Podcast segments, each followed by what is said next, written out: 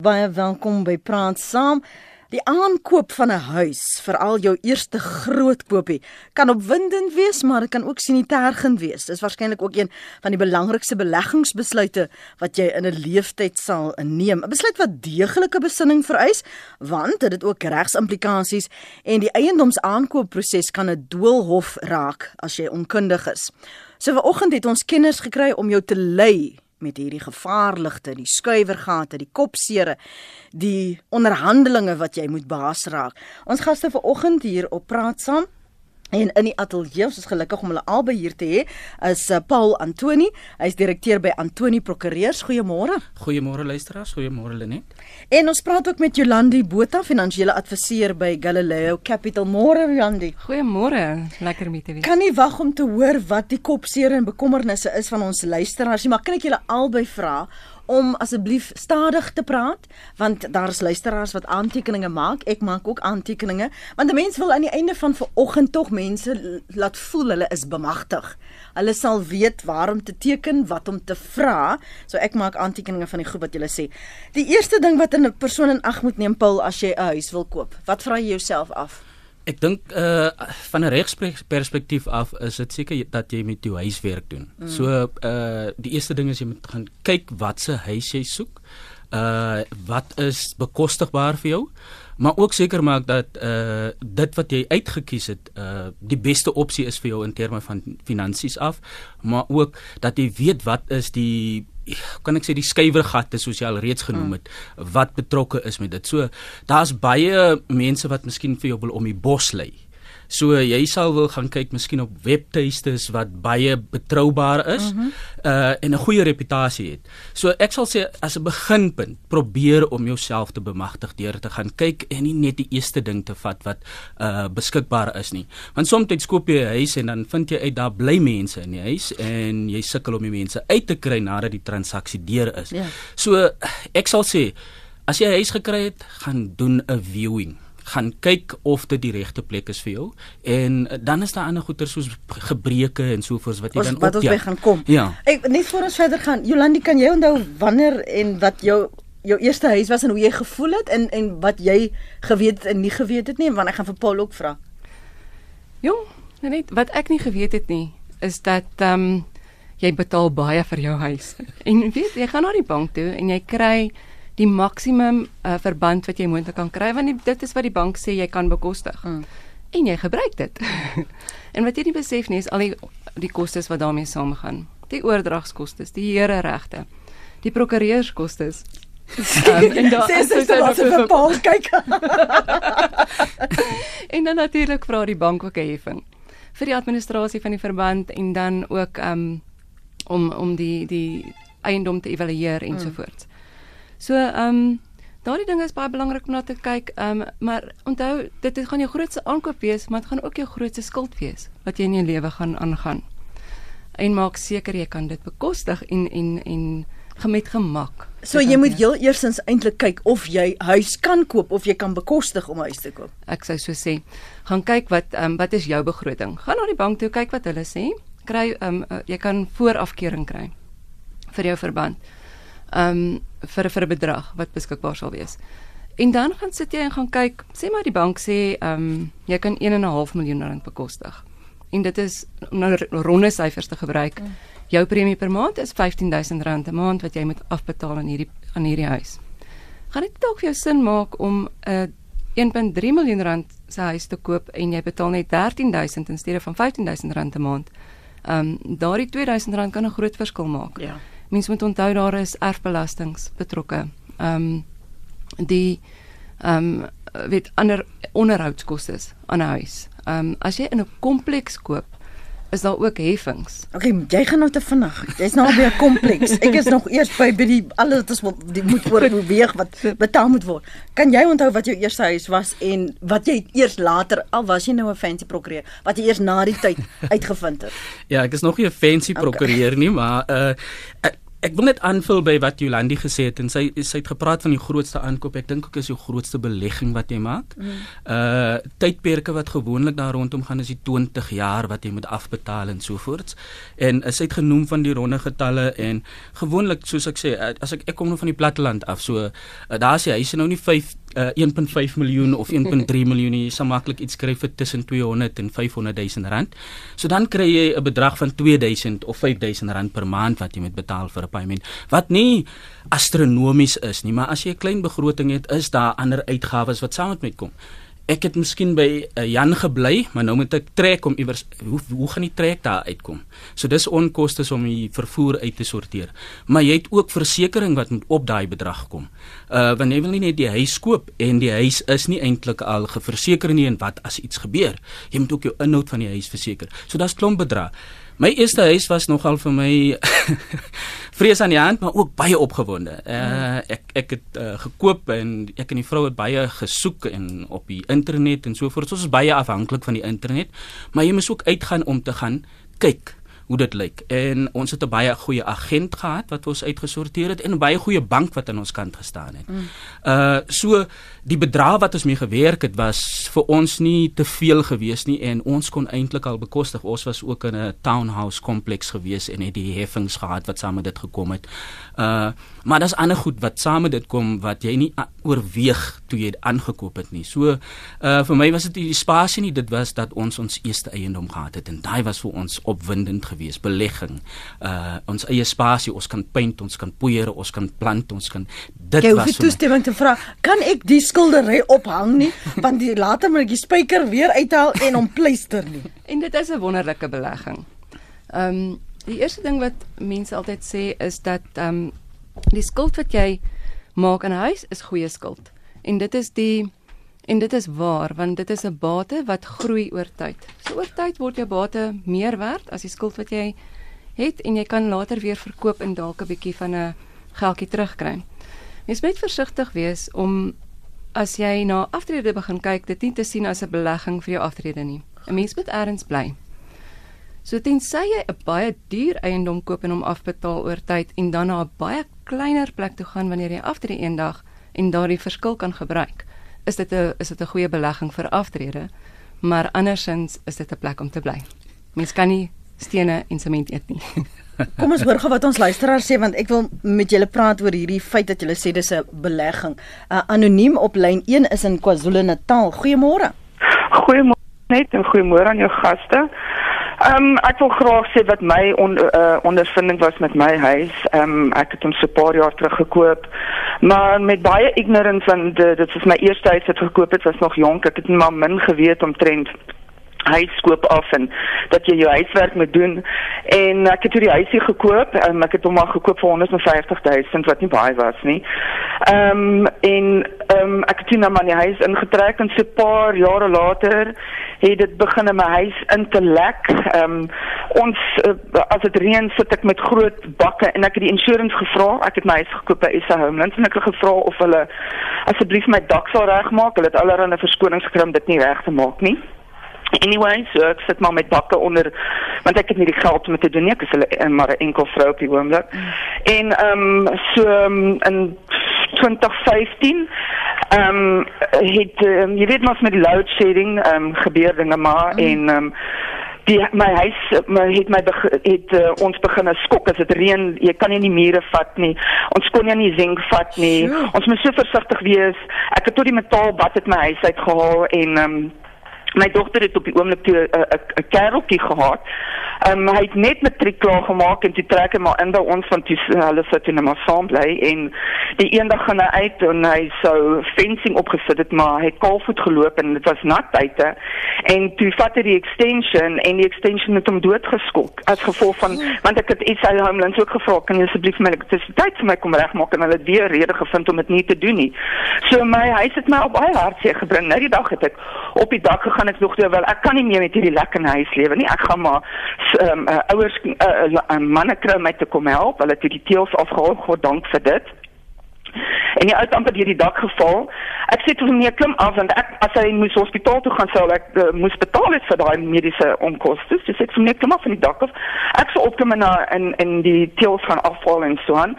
En ehm um, ek gaan toe op die dak en ek het toe die deur die dak geval en die dokter sê vir my mevrou jy's jy's baie gelukkig. Jy het eintlik 'n diskant gekry want jy's nie op die double bank geval het nie. Jy kon nie muscle om jou hart ge, geskeer het. Jy kon talwe seer gemaak het. Jy kon jou spine seer gemaak het. Die dakteels kon op jou afgekom en hy sê jy is baie gelukkig wees. Ek sê maar weet jy wat om te doen nie want is die homelands wil niks vir my regmaak nie. Maar tog vat hulle soveel geld van my af elke maand. En soos die insurance mense sê hulle hulle voel so jammer vir mense wat hy sê want die insurance maak biljoene van die mense af en hulle vind net ways om nie goederes te betaal nie. En ek sal net wil weet wat kan 'n mens doen om teen hierdie insurance company? Want as jy insurance vir 'n kar het um, jy kan besluit of jy dit wil betaal of nie wil betaal nie. Jy skuld nog geld in die bank. En as jy daai kar afskryf jy skuld nog steeds die geld in die bank. Goed. Maar hoe kry Esther Homelands Insurances die reg om sulke dinge aan ons te doen? Ons vra dit in die algemeen Paul maak aantekeninge daarvan. Hy kan dalk uh, sy idees um, en 'n uh, mening daaroor gee. Derrick môre. Goeiemôre man. Ek uh, wil net gehoor, miskien weet jy mense daar op die paneel, maar so rukkie terug het julle ook gepraat oor as jy eerste koper is, huiskoper is en jy's in onder 'n sekere bedrag. Ek eh, praat onder korreksie, maar ek dink dit is 20000 rand 'n maand. Dan kwalifiseer jy vir 'n subsidie. Ehm, um, maar jy moet daai eerste huis eienaar of eerste koop doen. Koper wees ja. Ek weet ja, ek klink my baie van die die agente en die prokureurs of weet nie daarvan nie of lig nie hulle kliënte in van dit nie. Ek dink daar was 'n praatjie op RSG ook oor dit gewees. Ja, dit was in die ja. nuus. Ja. So ek wonder of mense nie dit ook net weer 'n keer moet doen nie want dit is 'n groot pluspunt wat mense daar kan kry. Ja, in die dag. Dankie Derry, dankie vir jou uh, opinie en jou mening. Um, ek sou graag wil uh, by anoniem wou hoor wat die lesse is wat sy um, geleer het uit die proses as jy saam praat en jy luister en maak 'n punt daarvan om vir ons te sê as ongeag hoe die proses was, wat het jy daaruit geleer sodat ons dit met ons luisteraars kan deel? Ja, anoniem ek voel baie vir jou want uh, ek het uh, al die goed is vir my skrywergatte. Ehm um, en wat jy noem is basies goed wat uit die kontrak uitkom. En wat ek wil ad, as advies gee aan mense wat in soortgelyke situasies sit. Wat ek as 'n uh, amper soos 'n rooi ligte vir hulle wil sê is gaan lees die kontrak. Die kontrak sal substantiëre terme in het. Dit sal sê wie die partye moet wees. Dit sal sê wat die kooppryse is, uh wat die uh saak is soos ons dit noem, the thing, 'n merks uh, wat jy nog gaan aankoop en hy gaan 'n mooi uiteenspel uh, st uh stel. Maar ook wat hy gaan hê, 'n spesifieke terme oor voetstootsklausules. Uh goed oor uh die instandhouding en hoe die uh spesiale uh, oorwegings en terme. En dit is waar jy moet op fokus. Terminasieklausules is en so voort. En ek dink die groot probleem is dat uh, anoniem het moontlik in die kontrak ingegaan en dit was 'n fantastiese oomblik geweest en sodra enigiets gebeur na die aankoop en registrasie, dan steen meeste van die verkopers en ook die oordragsprokureurs op die voetstootsklausule. En dit is 'n standaard provision wat in die kontrakte ingesit word om daai situasie te verhoed waar die koper terugkom 'n jaar later en vir jou kom sê, "Maar ek het nou defekte gekry, uh maar uh ek wil hê jy moet verantwoordelik is. Nee nee nee, dit daar's 'n voetstootsklausule. Jy het die huis gekoop soos hy was en jy moet dan uh, uh voor daarna is jy verantwoordelik vir dit. Ek sal sê as jy 'n huis aangekoop het of besig is met 'n aankoop, kry jou eie mense om 'n bietjie ondersoek te kom doen. Daar moet 'n sertifikaat wees vir die elektrisiteit om te waarborg dat die elektrisiteit op is. En dit is goed waar 'n mens hulle kan op aanval van 'n regsperspektief af. Maar julle ekskuus Gelandi, jy kan nou aanvul. Ons as jy leek is, dan weet jy nie jy moet al hierdie ekstra uitgawes aangaan nie en mense kry om inspeksie te kom doen nie. Jy verstaan dalk nie eers uh, die inhoud van van kontrakte nie. Um iemand het jou gesê, "Maar so en so probeer hulle huis verkoop. Kom, gaan kom ek onderhandel vir jou man." Dan da los as die agente uit. Moenie mense die agente uitlos. Ek dink dit is gevaarlik as jy dit nog nooit gedoen het nie en jy weet nie waarvoor jy jouself inlaat nie. Dit is maar belangrik om advies te kry, ehm um, agente en goeie agente, want jy kry ook van jou slegter agente. So dit is daar is ook weer 'n bietjie van 'n skuiwergat soos wat jy genoem het. Ehm um, maar as jy 'n goeie agent het, gaan hulle vir jou stap vir stap deur alles neem. Dan hulle wil ook die verkoop doen. Hulle verdien 'n kommissie daarop. So hulle weet presies wat in die eiendomsmark aangaan en kan jou regtig help met kontrakte. Uh, uh, hulle prokureur kan ook deur dit mee saam met jou gaan en seker maak dat alle term jy die terminologie verstaan. Maar mense is 'n bietjie ons is almal 'n bietjie ehm um, lei en dit is terminologie en so aan wat ons gewoonlik nie verstaan nie. En dan om deur so 'n lang kontrak te sit, het jy regtig iemand nodig wat dit in normale normale taal vir jou kan verduidelik. Iemand soos Paul wat vir jou die kan verwys. Dit is wat die reg sê as die latynse terminologie daar ja. sit en jy dink wat op aarde praat hulle van die ander versteekte kostes wat jy nie in ag neem het Paul het gepraat van die versekerings mm. uh, die luisteraar het ook gesê sy het nie eens geweet van sekere goed nie uh, kom ons was nou eerlik ons wil nou nie onnodig krities wees nie maar daar is ek wil die ervaring wat uh, van ons luisteraars voel versekeringsmaatskappye probeer 'n maklike weg kry om nie uit te betaal nie dis waar so weer eens gaan kyk na die kontrak en dit sal meer in Paul se mm. area val maar die die dit is belangrik dat jy met 'n uh, um versekeringsmaatskappy doen 'n uh, uh, kontrak aangaan wat wat 'n goeie naam het in die mark. Gaan maar iemand wat bekend is en wat redelik groot is. Want as jy nou 'n kleiner tipe van versekeringsmaatskappy gaan, gaan hulle dalk probeer om om nie te betaal nie en hulle probeer soms klousules kry wat weet om om nie te betaal nie. Maar as jy 'n makelaar het ook wat wat jou help. Hulle weet baie goed hoe om met versekeringsmaatskappye te werk. En daar's 'n bestaande verhouding. Nou so ja. Hmm. Jy sou betaal 'n klein bietjie kommissie aan hulle, maar as jy nie weet en jy is nie goed ingelig nie, dan is dit maar die beste manier om dit te doen. Daar is luisteraars wat wag. Ja, ek ek wil net aanvul en uh ek ek dink ook die die, die versekeringskwessie is is is so nou uh saamgesmeld saam met die aankoop van 'n huis onroerende eiendom. Uh want jy gaan nie die huis kry alvorens en jy kry miskien 'n banklening of 'n huislening. Die bank gaan vir jou sê jy sal moet versekerings uitneem. Maar ewenigs as jy kontant koop, is dit 'n goeie ding om versekerings uit te neem.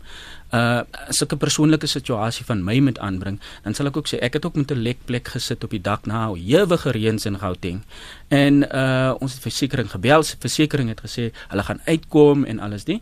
Later sê hulle vir ons nee, dit is nie as gevolg van die reën wat dit gebeur het nie, dis ou instandhoudingskoste. Mm -hmm. Dis hoekom ek ook moes aanvanklik iemand uitgekry het om vir my te kom kyk of die dak regtig ou lekplekke het of nie. En dan van daai datum af toe ek die kontrak met die versekerings aangegaan het, kon die versekerings geweet het nee, die dak is reg. Ek verseker vir jou want ek ek het besluit, ek het vir jou garantie gegee mm. die dak is reg. Daarna is jy dan verseker ja excuse the pun verseker dat uh, wat gaan gebeur daarna moet hulle verantwoordelikheid voorvat. Hulle toe gesê hulle betaal net vir sekere gedeeltes wat toe die bedrag is toe astronomies ek dink so so naby 100 000 rand hulle het seker 30% van dit betaal.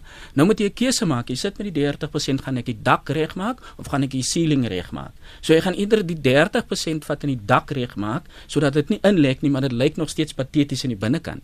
Uh maar dit is die keuses wat ons moet maak. En die kontrakte meeste van die uh, uh versekeringsmaatskappye doen dit sommer oor die foon saam met jou. En dis baie onpersoonlik en jy moet daai geleentheid gebruik om te sê ek wil graag in besigheid saam met julle gaan. Ek wil die kontrak teken. Stuur dit vir my aan sodat ek daardeur kan gaan. Gee vir my 2 3 dae en dan teken ek.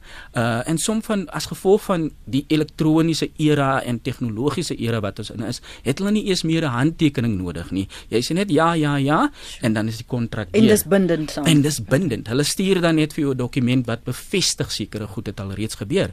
En dan later van tyd dan bevind dan vind jy seker goed. Maar ek dink daar is ook beskerming in Suid-Afrika vir seker veral met die Consumer Protection mm. Act verbruikers uh wet en so voort waar jy nog steeds op 'n later stadium uit die kontrak uit kan kom. Hulle noem dit 'n afkoelperiode en so voort. Mm. Maar ons moet waaksaam wees.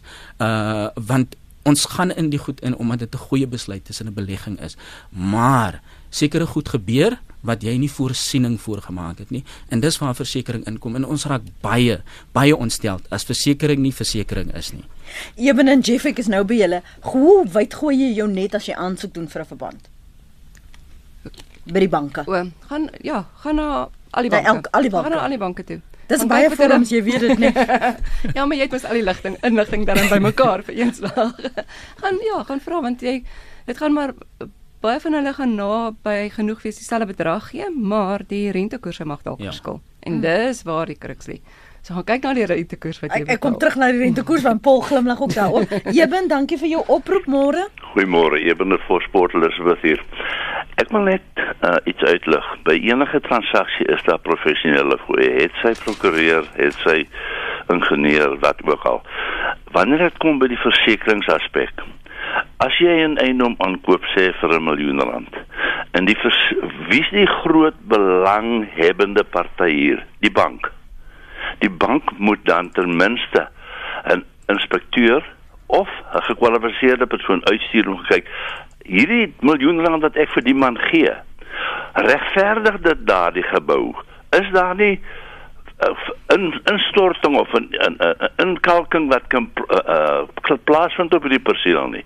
Dat as daardie persoon geteken het het hy geteken dat hy tevrede met die eiendom. Maar die grootste belanghebbende party is jou bank hy moet tog sorg dat daar daardie item wat hy die geld op voorskiet, moet hy sorg dat daardie ding voldoen aan die standaarde. Nommer 2.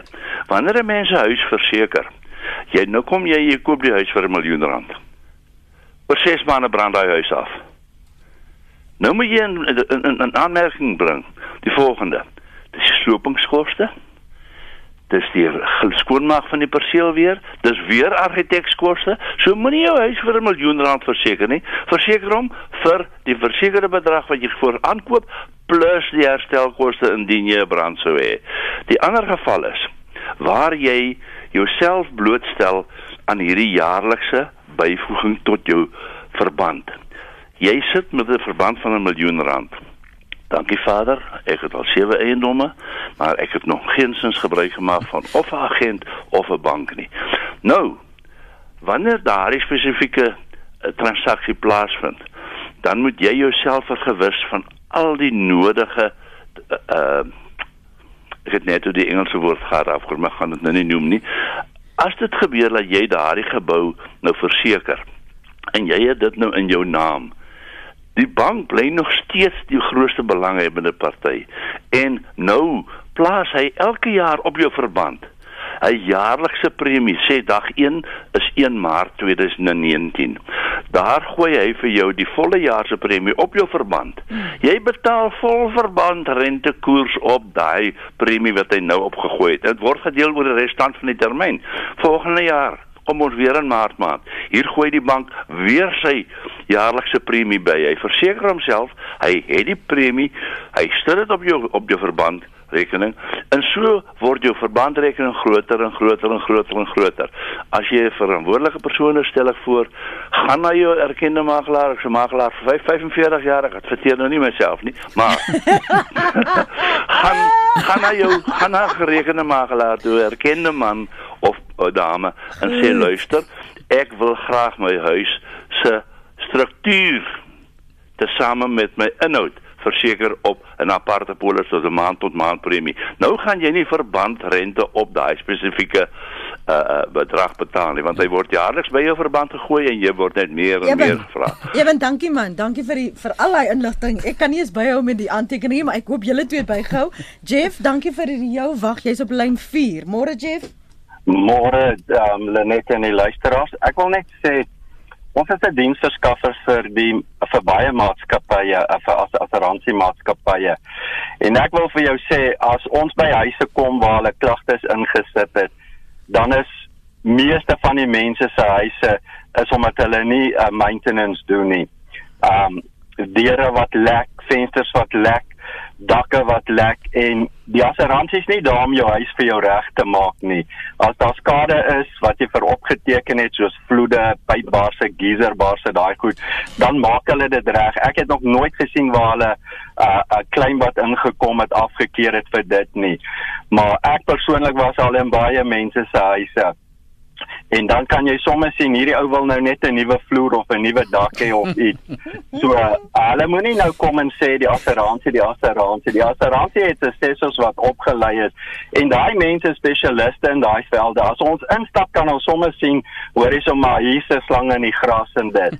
So uh, ek wil maar net opkom vir die assuransies en dit en sê hoor hierso. Um Julle doen 'n wonderlike werk. Die mense kry as hulle as dit 'n geldige claim is, kry hulle hulle goed, maar daar's baie mense wat kansse vat en dis die arme ander ouens wat betaal om hierdie om hierdie geld te kry. Dankie Jeff. Ek, ek wil net sê net 'n week gelede in Goedertrou het ek gehoor van 'n um, assessor wat vir die kliënt gesê het ek het dit goedgekeur maar die bank het gesê ek moet dit afskryf. Ek moet dit nie goedkeur nie. Toe's daar hierdie heel oor en weer korrespondensie want dit is toe op skrif gestel. So ek is jammer Jeff, ek ken twee gevalle waar mense met hulle banke gaan beklei het. Ja. Lenet ek ek wil net vir Jeff korrigeer dat ek dink die situasies wat ons van praat is nie waar die uh persoon wat nou die eienaar van die huis is, miskien verantwoordelik was vir die nie onderhoud. Ja. Uh ek dink in anoniem se geval het sy die huis gekoop 2015 2016 het sy sommer uitgevind. So sy kan nie verantwoordelik gehou word vir die uh of sy voel en ek ek dink ook dit is regverdig dat sy nie verantwoordelik gehou word vir die onderhoud of nie onderhoud wat gebeur het voordat Vooraf. sy dit aankoop gedoen het nie. En soos uh ek dink Eben gesê het, die belanghebbende persoon is die bank as jy deur die bank gekoop het. Die grootste belanghebbende persoon. En uh op daai stadium wat die waardering gebeur uh van die huis deur die bank, kom kyk die bank nie na defekte nie. Die bank kom kyk net of hulle 'n goeie belegging het. Ja, 1 miljoen rand in die huis kan kry. As hulle dit uitgesorteer het, gaan hulle nie vir jou sê maar daar ons het 'n probleem gevind met 'n handvatsel van die deur of 'n probleem gevind met die dak uh, se struktuur of iets soos daai nie. Hulle kom kyk net of daar 1 miljoen rand is. Daarna is al die probleme op die koper en die nuwe eienaar van die huis. En dis waar die versekerings dan weer inkom. Uh in meeste van die gevalle met die versekerings gaan hulle vir jou versekerings gee op jou bedrag maar niemand kom uit om die assessering te kom doen van die eiendom nie. Die eerste keer wanneer die persoon sien om assessering te kom doen is wanneer jy die eis insit. En dit is onregverdig volgens my. Jy kan nie daarna kom en vir my sê maar uh jou eis is nie goedgekeur nie want daar was nie instandhouding nie. Maar jy het nie in die eerste plek kom kyk of daar defekte in nie instandhouding was nie.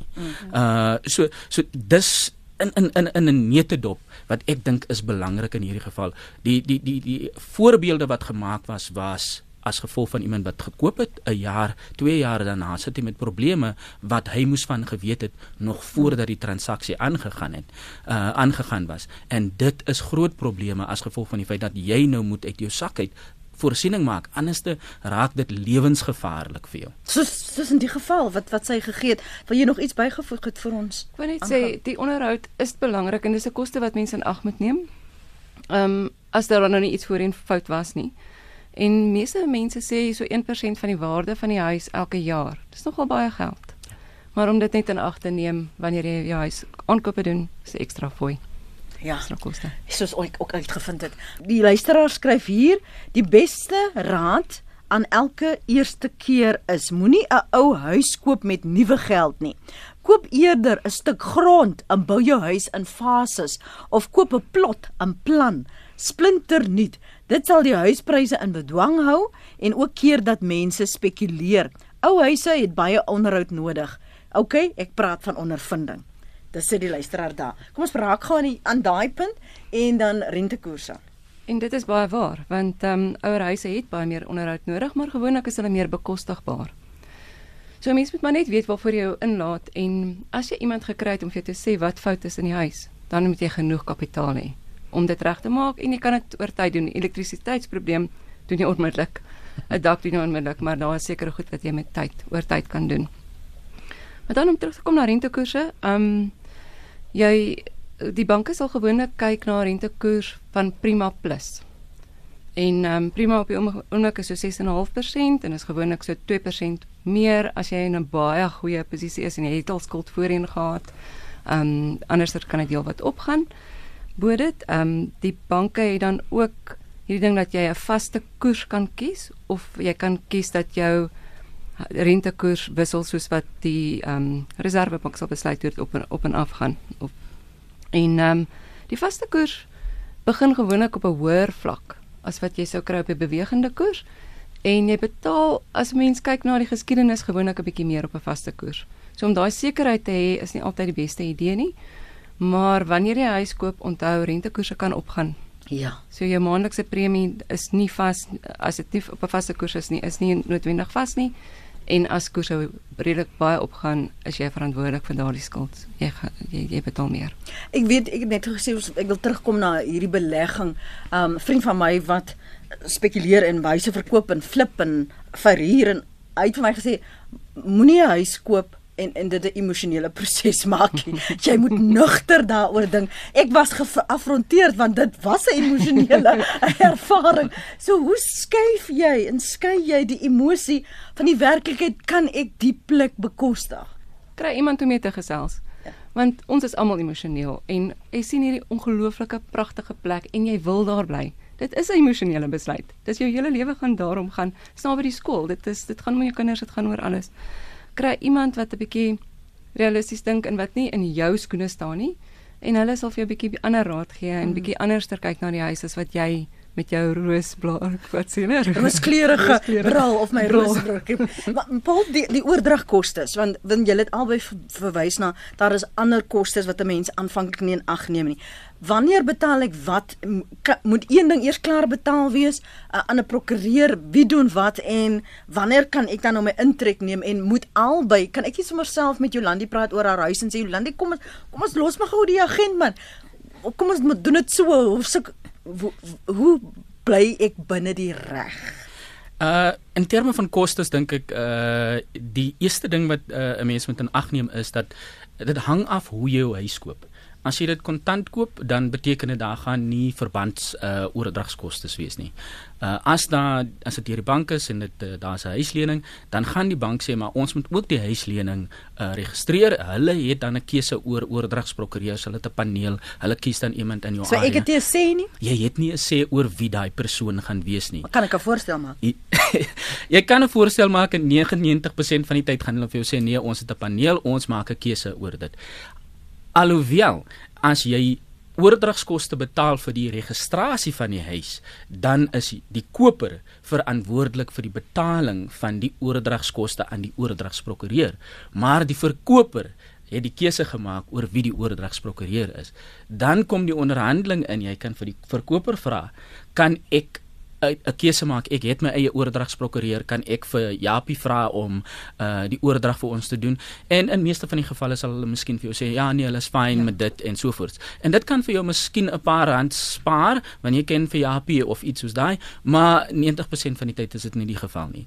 Uh die kostes uh advies vir die uh, luisteraars is daar is baie toebehore aanlyn. Meeste van die uh banke se webtuistes, meeste van die uh eiendomsagente se webtuistes het toebehore as in in Engels is dit tools. Mm. Uh, uh calculators en rekenaars waar mm. jy net 'n bedrag intik, dan skop hy vir jou uit hoeveel is jou uh uh, premie per maand en hy skop ook vir jou uit hoeveel jou moontlike jou oordragskoste kan wees in terme van verband uh oordragskoste en ook uh oordragskoste vir die registrasie van die huis. In terme van durasie dink ek uh kan 'n mens wag e, verwag enigiets as jy goeie prokureur het, oordragsprokureur, die papierwerk is uitgesort.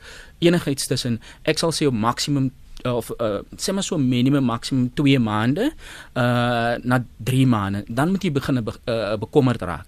En jy moet altyd ook op hoogte van sake wees. 'n goeie prokureur gaan vir jou sê okay dit is die stappe wat ons gaan volg. Dit is die tydperke. As daar iets gebeur dan gaan dit teruggeskop word na ons toe en so voort. Ehm uh, meeste jonger prokureurs het sommer die tool om dit sommer vir jou te trek. En dan stuur hulle vir jou elke weeker 'n uh, verslag om te sê uh, ons is nou hier in die proses in. Ons verwag vir dit en so. En dit help baie baie, dit gee vir jou gemoedsrus. Die risiko gaan oor sodra die registrasie gebeur. En uh dan is daar sekere kere waar jy jy koop die huis en jy wil sommer intrek, maar die oordrag het nog nie deur gegaan nie. Uh vir die verkoper is dit gemoedsrus om seker te maak dat jy okupasie hier vra. Ja uh en seker te maak dat daar risiko's uh in want die transaksie alhoewel dit geteken is mag miskien nie geregistreer word uh by die uh akteskantoor nie. Mm -hmm. En daai risiko lê nog steeds op die verkoper.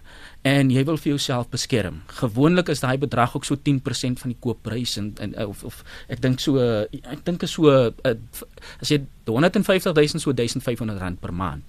Maar jy moet ook 'n deposito vra want enigiets kan gebeur. En dan uh, is dit die geval dat as registrasie gebeur het dan is die verkoop dan is die koper outomaties die risikodraande persoon oor die huis. En in in sommige gevalle hou die verkoper oor. Nee, ek het nog nie transport uitgesorteer nie. Ek kort nog 'n dag of twee of 'n week. Julle moet seker maak dat julle so onmiddellik intrek. Ek steek nou my hand op want nee. ons het al gesien op sekere plekke dan is daar huurders op 'n perseel ja. en die die huurder sê niemand die persoon het nie vir my gesê hulle trek uit of hulle verkoop die huisie. Dan sukkel jy om van mense ontslae te raak. Ja. Um jy het nou ook daarna verwys wat is die regs implikasies van dit? Sit ek die mense sommer voor vooraf uit of maak ek seker die verkoper maak seker daai mense uh verlaat die perseel.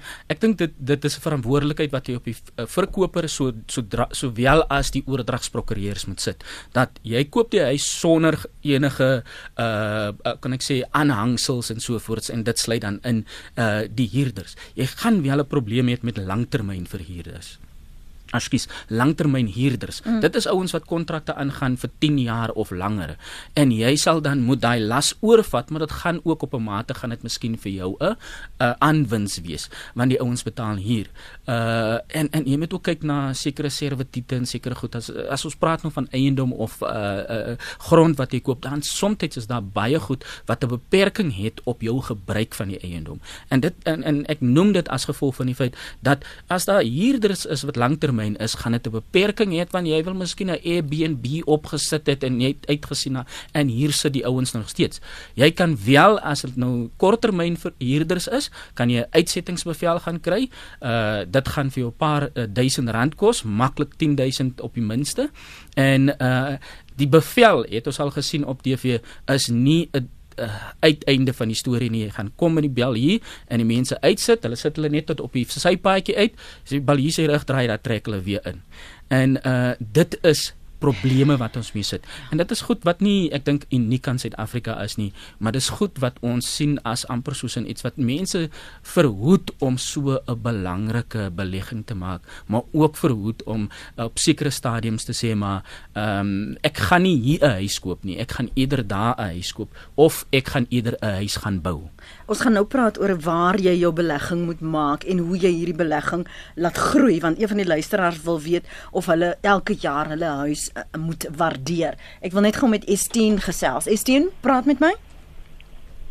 Is dit Estien of Estien? Ons Christine. Christine. Is dit ek ja? Ja, dis jy. Ag, dankie. Man, ek wil 'n goeie eiertjie lê.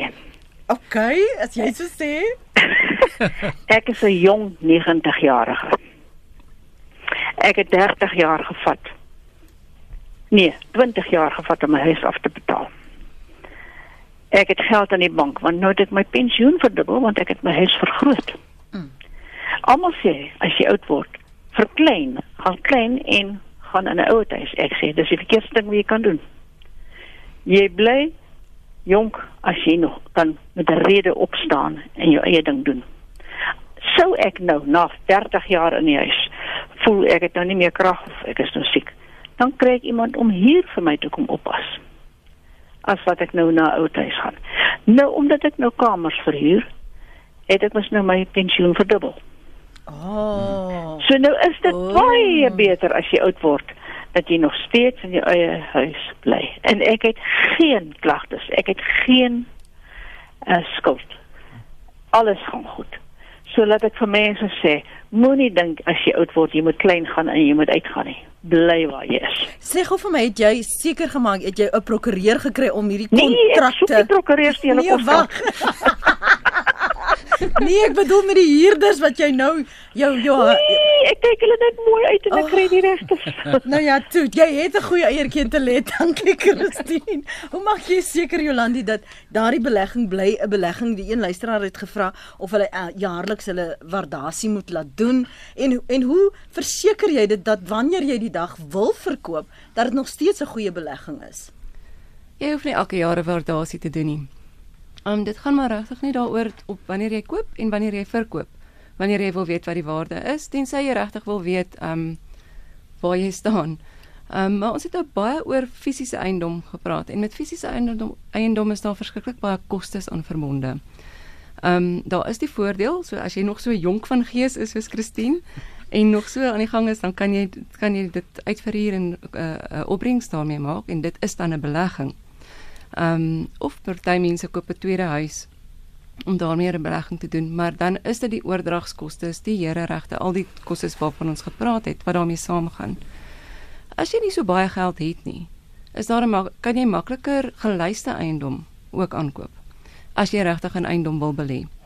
Ehm um, dan praat ons van ehm um, maatskappye wat wat kantoorblokke koop en ehm um, industriële parke, ehm um, winkelsentrums, daardie tipe van eiendom en daarmee kan jy dalk met 1000 rand 'n maand vir jou 'n bietjie in 'n eiendom belê as dit is wat jy graag wil doen teen 'n baie lae koste.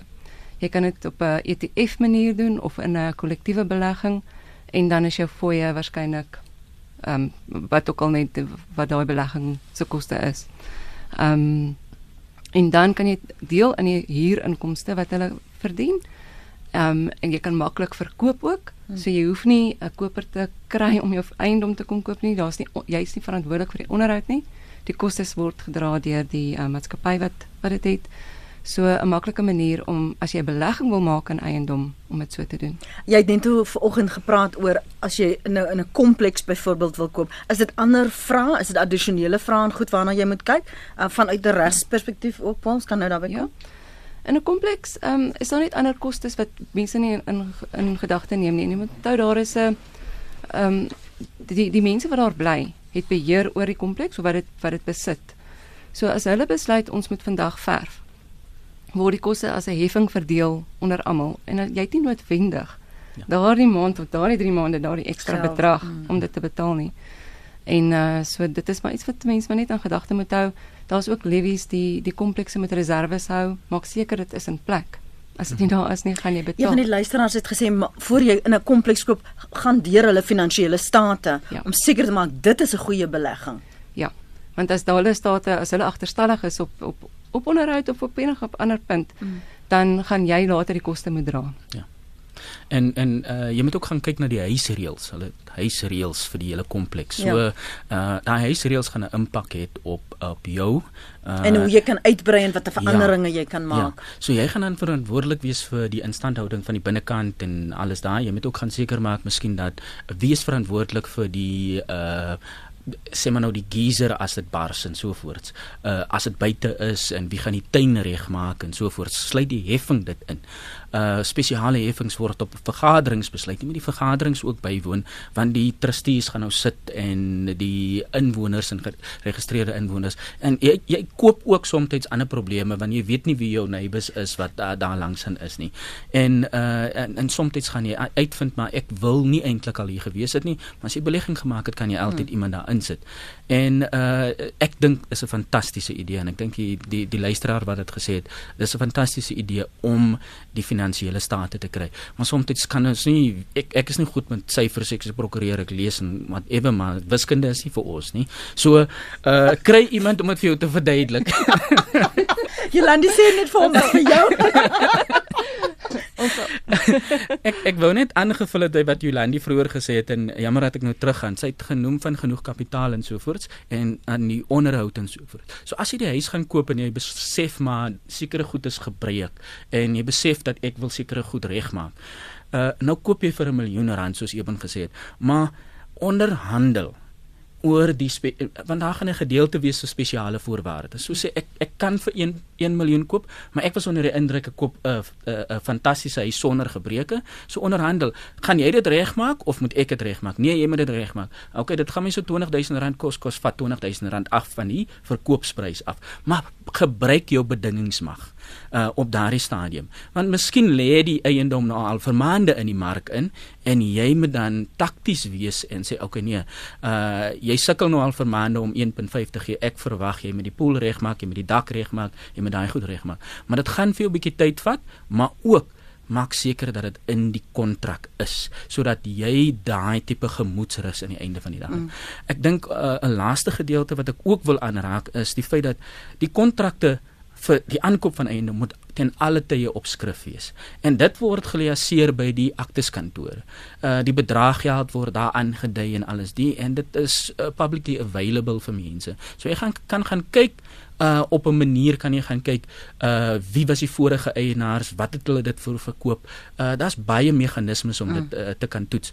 Maar advies wat ek vir die luisteraars wil gee is moenie die soos ek weet as ek by die winkel was en ek het 'n slippie gekry dan vrommel ek dit op en ek gooi dit in die asblik nie. My vrou kla altyd daaroor. Maar hou rekord van dit. Dit is 'n baie belangrike dokument wat jy altyd terug na toe moet gaan. Uh papier word altyd dit verweer. So scan dit in, save dit iewers en maak seker dat jy toegang het tot daai dokument. En alles word op iCloud, ek weet nie wat nog alles gesave nie, maar dit is vir my uh iets wat ons lê. Jy die die huis vir 20 jaar. Uh so mense kry nie hulle kinders so teen daai tyd uit die huis uit nie, maar die huis gaan altyd daar wees. So rekordhouding van 'n prokureur se kant af baie belangrik want die eerste ding as jy voor my deurkom staan en vra waar is die kontrak? Ja en dan moet jy ten minste vir my die kontrak kan aanstuur. Goed. Ek wil vir julle baie dankie sê vir julle tyd vanoggend in die lesse wat julle met ons geleer het, die skuiwergate waarop ons bedag moet wees. Uh, dit was vir my aangenaam om te luister na wat julle sê en en vir myself te sê, "Oké, jy het dit nogal reg gedoen die laaste keer." Um, maar ek moet net sê, toe, daar seker goed wat 'n mens mos nou nie kan voorsien of voorspel nie. Toe die, die my swembad my eendag probleme gee en ons maak oop, toe sien ons daar's 'n engine uitlaatpyp waar waar 'n pyp moet wees ondergronds daar was nie 'n manier hoe ek dit sou geweet het nie. Nee. So ek verstaan hoe ons eerste luisteraar sê sy het nie geweet van die dak en dat mense sou sterf nie. Dankie uh, Jolandi Botha, dankie aan uh, Paul Antoni vir julle beskikbaarheid en julle ateljee toe gekom het op hierdie Vrydagoggend. Paul Antoni is 'n direkteur by Antoni Prokureurs, Jolandi Botha is finansiële adviseur by Galileo Capital.